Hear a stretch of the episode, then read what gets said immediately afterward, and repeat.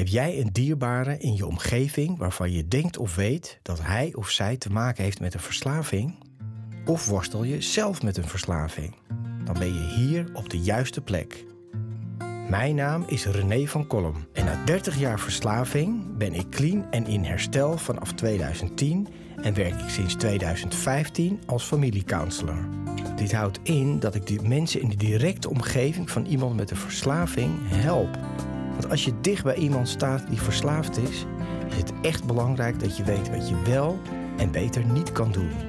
In deze podcast neem ik je mee in de wereld van verslaving en de verslaafde en leer ik je met mijn kennis en ervaring hoe jij hiermee om kan gaan, wat herstel is en wat je kan doen om jouw dierbaren te helpen en zelf overeind te blijven.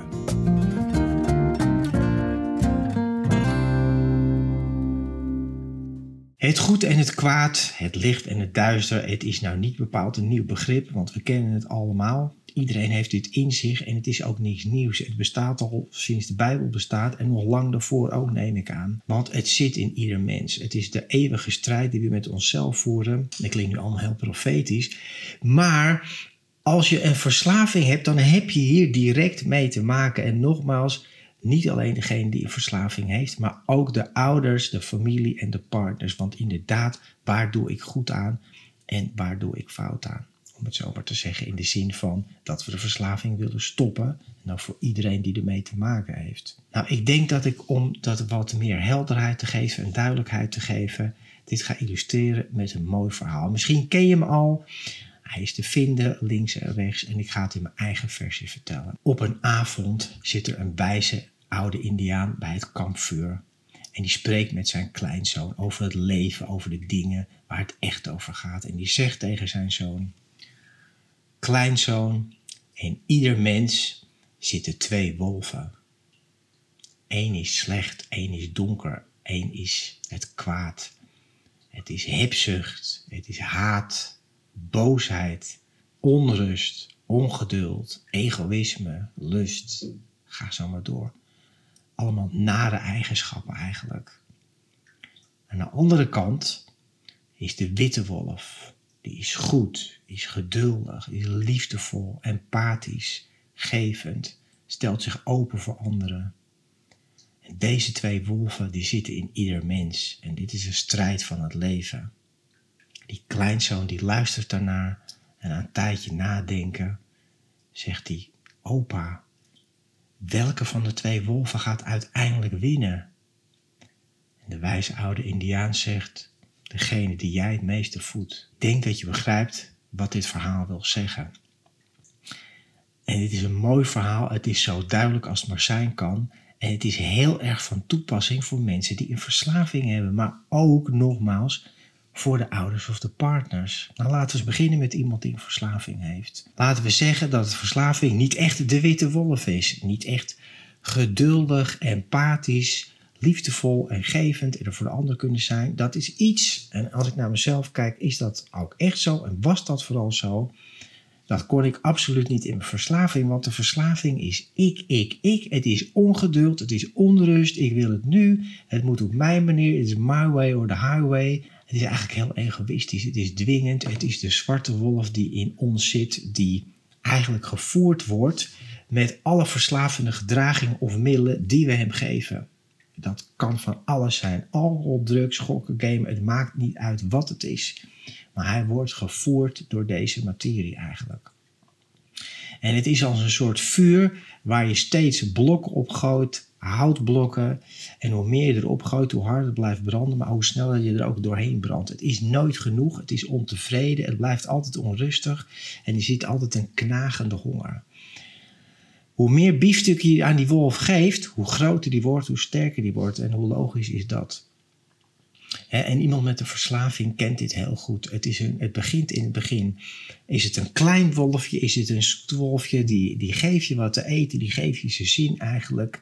En hij groeit hiervan. En het geeft ook een gevoel van kracht en macht. Het geeft een enorm effect. Maar het is wel iets wat je op een gegeven moment gaat verscheuren. En op een gegeven moment is hij niet meer te temmen. En is hij niet meer het kleine lieve welpje. Maar is het een grote verschrikkelijke wolf die jou constant achterna zit in jouzelf en die enorm dwingend aanwezig is. En niet alleen voor jou, maar ook voor iedereen om je heen. Die andere, die goeie, die zit natuurlijk ook bij iedereen erin. En ook bij iemand met de verslaving. Ook al kan je dat helemaal niet meer zien in jezelf. Want ik kon dat zelf niet zien. En ook omgeving kan het misschien ook niet meer zien. Maar het goede zit natuurlijk ook in iedereen. Alleen iemand met een verslaving voelt eigenlijk steeds de bad wolf, zullen we maar zeggen. De donkere kracht in jezelf wordt eigenlijk constant gevoerd omdat je dat op een gegeven moment ook gedaan hebt en je zit daarin gevangen. Je blijft daarin vastzitten. Dat is ook wat de verslaving is, vastzitten in dat stuk. Nou, ik heb het zelf heel erg ervaren inderdaad als duisternis.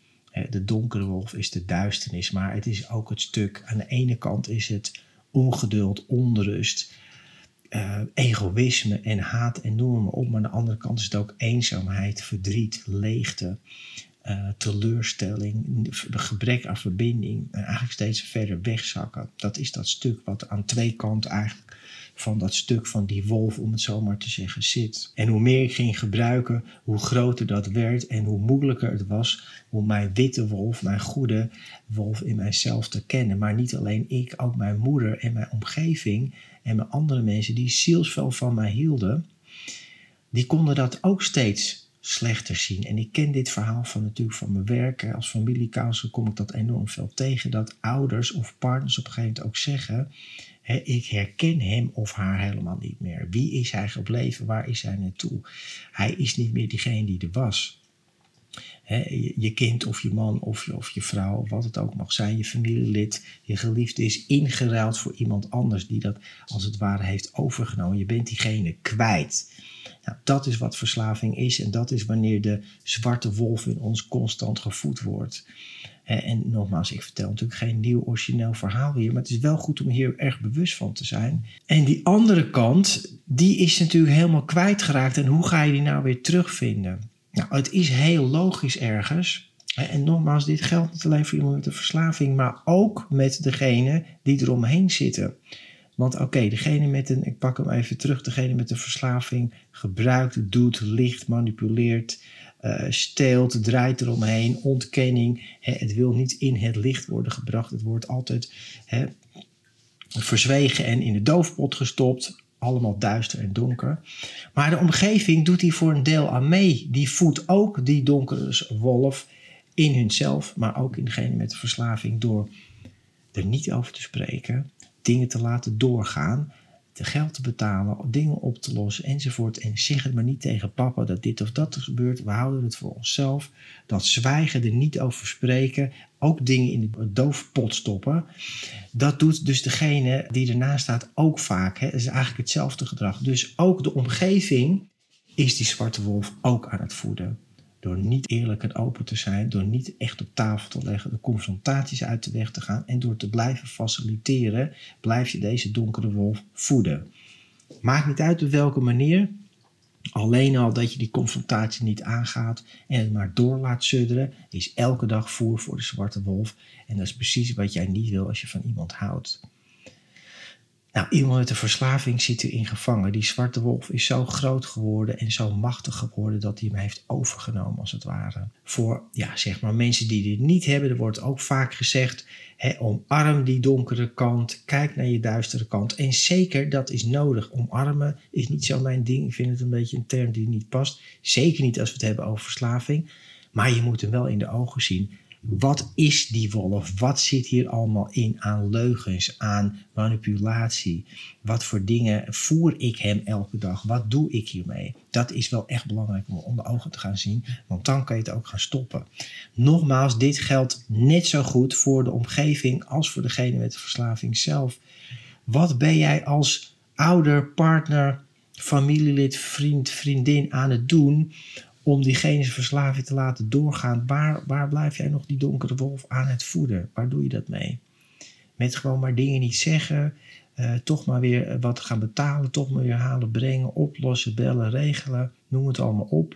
Of gewoon het niet in het licht brengen, geen, geen actie ondernemen, niet het onder ogen bekomen en uh, allerlei redenen hij kan er niks aan doen. Hij heeft het moeilijk gehad. Uh, allemaal erg. Hij heeft dit, hij heeft dat, hij heeft zus en zo. Of zij. Het is belangrijk dat je stopt met het voeren van die duistere kracht in jezelf. En of je het nou een wolf noemt, een duistere kracht, een bijbelse term, het maakt ook niet uit, maar we kennen dit allemaal.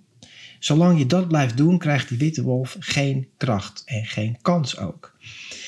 Want het lijkt soms wel alsof het duister sterker is dan het licht. Nou, dat is wezenlijk niet zo, maar het voelt wel zo als je erin zit. En ik ken dat, ik ken het me al te goed.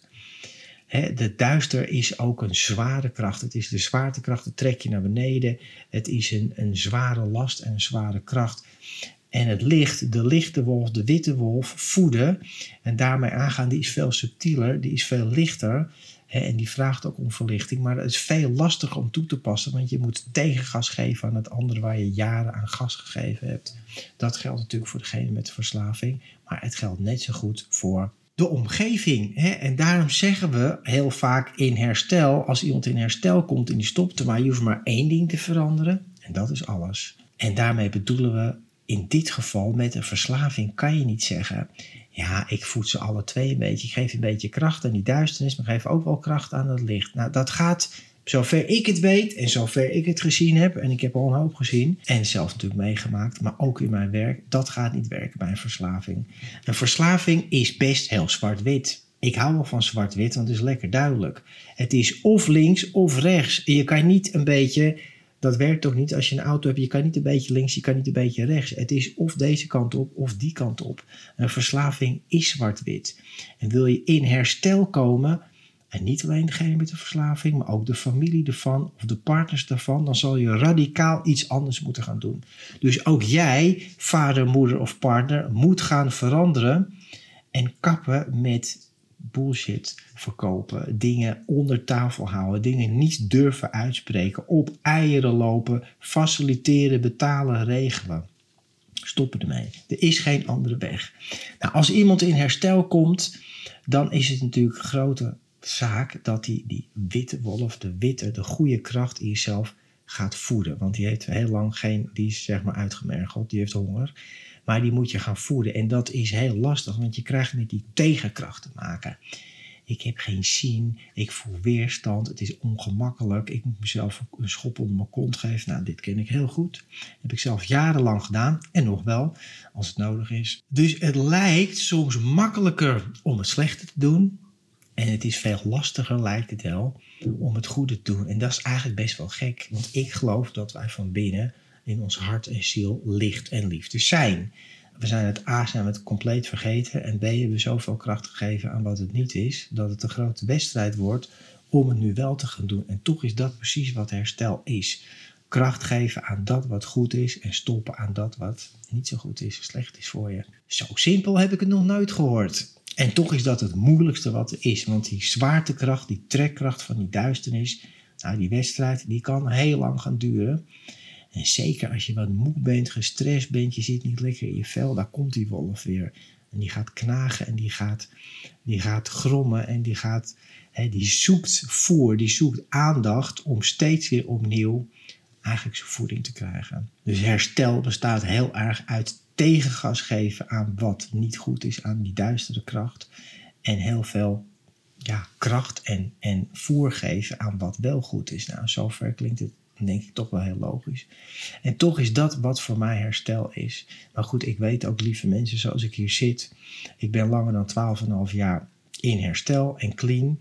Maar die wedstrijd tussen die twee wolven, die heb ik zelf natuurlijk ook. En het gaat niet over, ga ik vandaag wel of niet gebruiken. Maar het gaat over andere dingen. Het gaat inderdaad over egoïsme. Kan ik mezelf openstellen voor andere mensen? Kan ik mezelf wegcijferen? Kan ik dingen echt in het licht zien? In, in het licht laten komen? Kan ik mezelf volledig aankijken? S'avonds in de spiegel dat ik denk, ja, dat heb ik goed gedaan. In de zin van oprecht, eerlijk. En dat klinkt misschien allemaal een beetje hoogdravend. Maar voor iemand met een verslaving is dat belangrijk. Want die weg naar beneden die gaat veel harder dan de weg omhoog de weg naar beneden gaat, inderdaad, je gaat, eh, eh, eh, de zwaartekracht trekt mee, dus je gaat veel harder naar beneden dan naar boven. Om naar boven te gaan is het super belangrijk voor mensen in herstel om op die weg te blijven. Ik zeg altijd, dat is mijn echt gevleugelde uitspraak, het gaat niet vanzelf goed, maar het gaat wel vanzelf fout. En daarom is het zo belangrijk om die wolf, die witte wolf, te blijven voeden. Nou, en als je het dan hebt over de omgeving, de partners, de ouders, de familie van, betekent dat ook dat zij in zichzelf dat goede deel mogen blijven voeden met alles wat goed voor je is. En dat betekent, soms kan het betekenen echt afstand nemen van degene waar jij zoveel van houdt, die verslaving heeft. Kan dezegene nog bij mijn huis wonen? Is dat wel goed voor mij eigenlijk? ja, maar hij heeft het verdiend, hij doet nou zijn best. Nee, is dat wel goed voor mij? Kan ik dat wel aan? Al die jaren van liegen, manipuleren, bedriegen en toestanden, wil ik dat wel? En wat heb ik nodig? Niet wat heeft hij of zij nodig, wat heb ik nodig? Sporten, gezond eten, rust, ontspanning, vertrouwen, al die dingen. En dat kost echt veel tijd. En dat gaat niet zomaar 1, 2, 3. Nogmaals, eh, de duisternis is makkelijker te voeren dan het licht. En licht moet je echt je best voor doen. Wat belangrijk blijft, en ik hoop dat jullie dat meenemen, dat dat proces, en dat is ook de boodschap van dit hele kanaal, van deze podcast, wat er gebeurt met iemand met een verslaving, gebeurt ook met de omgeving. De verslaafde raakt in de duisternis en in de toestand het verdriet, maar de omgeving ook. En de weg eruit is dus voor alle twee ook hetzelfde. Het omdraaien, kijken wat er wel goed is, wat moet ik wel doen. Dingen letterlijk in het licht laten brengen, in het licht komen, onder ogen zien. En anders gaan handelen. Echt er tegenin gaan handelen. En stoppen met die donkere wolf in jezelf voeden. Het is niet een kwestie van omarmen. Ik omarm de duisternis in mijn donkere kant. Nee, ik kijk ernaar, ik zie in het oog en ik ga ermee afrekenen. Zoals ik het zie, is dat de enige manier. En niet dat het dan nooit meer is, maar je houdt hem daar in zijn hok, die wolf. En je geeft hem geen eten. En hij blijft er wel. En je kan af en toe naar hem zwaaien en hij, hoe gaat het met jou? Maar je gaat er geen biefstuk en voer meer aan geven. Want als je hem één biefstuk geeft, dan hij is er zo weer in één keer en hij vreet jou op. En dat willen we niet. Dus herstel is heel veel dagelijks kracht geven aan wat goed is voor jou. Ook als je een verslaving hebt, maar ook voor jouw familieleden en de omgeving doorheen. En zo kunnen we allemaal sterker worden en groeien in positieve kracht. Want daar gaat het uiteindelijk om dat we in onze lichtkracht komen, dat we gelukkig zijn, dat we, dat we liefde kunnen ervaren, dat we ons kunnen openstellen. Want dat, zo simpel is het toch wel. Ook al heb je niks met spiritualiteit en geloof je nergens in, is maar één ding wat iedereen wil en dat is gelukkig zijn, liefde ervaren, verbinding met elkaar. Nou, wat mij betreft is het niks spiritueels dan dat. Dus ik wens jullie vanaf deze plek en voor deze keer heel veel licht, liefde en kracht. En voed die witte wolf. Kijk die donkere wolf in zijn ogen. Dat je weet wat hij is en wat hij wil hebben en waar hij is. Maar laat hem vooral in zijn hok zitten en geef hem geen voeding. Bedankt voor het luisteren naar deze aflevering van Verslaving naar Vrijheid. Wil je mij een vraag stellen of heb je mijn hulp nodig? Neem dan contact met me op via mijn website renévancolum.nl.